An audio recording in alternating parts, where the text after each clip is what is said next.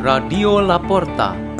The door is open for you for the growing of knowledge and wisdom of God.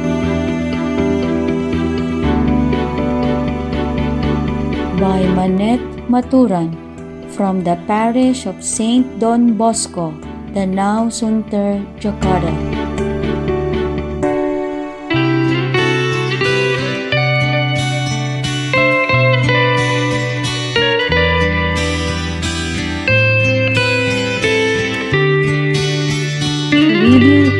Meditation on the Word of God, Tuesday of the 19th week in Ordinary Time, August 11, 2020, in the Memorial of Saint Clare.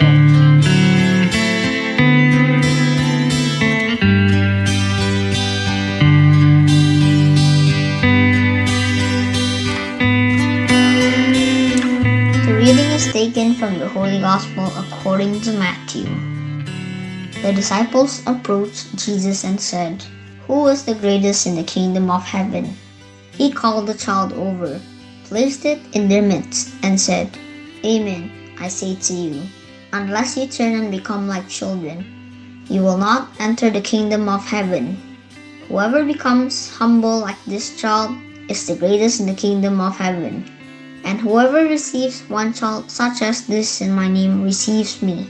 See that you do not despise one of these little ones. For I say to you that their angels in heaven always look upon the face of my heavenly Father. What is your opinion? If a man has a hundred sheep and one of them goes astray, will he not leave the ninety nine in the hills and go in search of the stray? And if he finds it, Amen, I say to you, he rejoices more over it than over the ninety nine that did not stray. In just the same way, it is not the will of your heavenly Father that one of these little ones be lost. The Gospel of the Lord.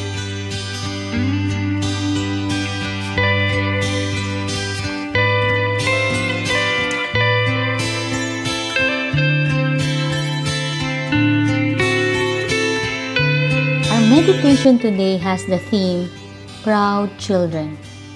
Once there was a reunion of elementary school alumni.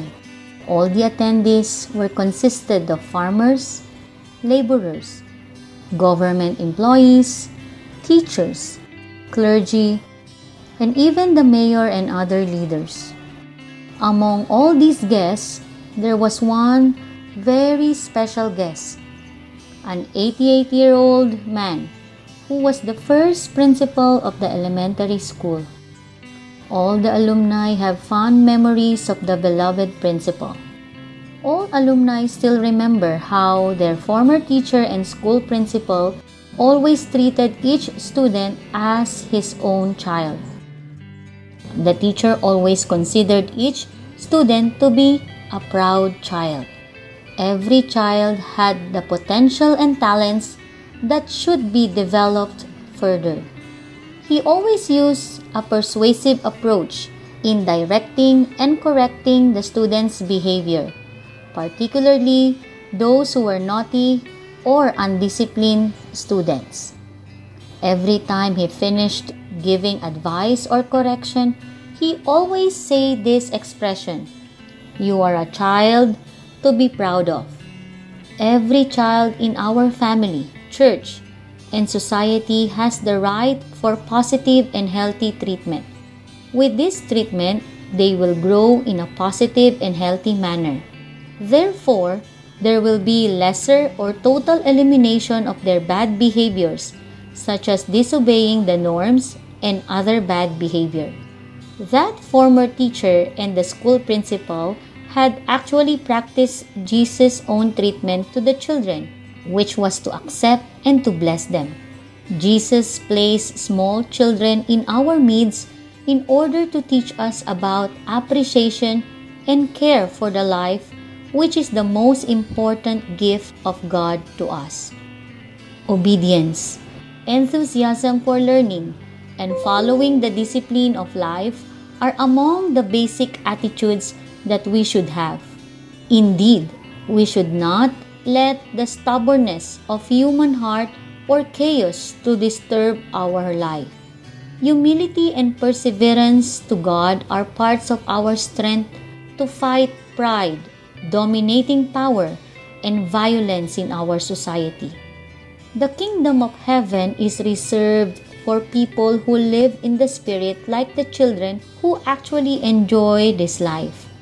We need to learn that the process of becoming something or someone must start from small and weak. God uses our natural processes to establish His kingdom in the world. Our faith grows from the beginning to become a mature faith. We can have certain idea or thought which are constructed from the collection of different little facts and experiences. A house or building is made from elements of cement, sand, stones, and tiles. A professor has gone through the experience of learning and practices from childhood and all of his years of study.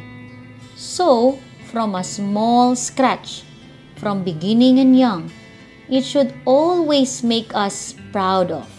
We should be grateful that all of these have always been continuing to shape us to become what we are at every moment of our lives.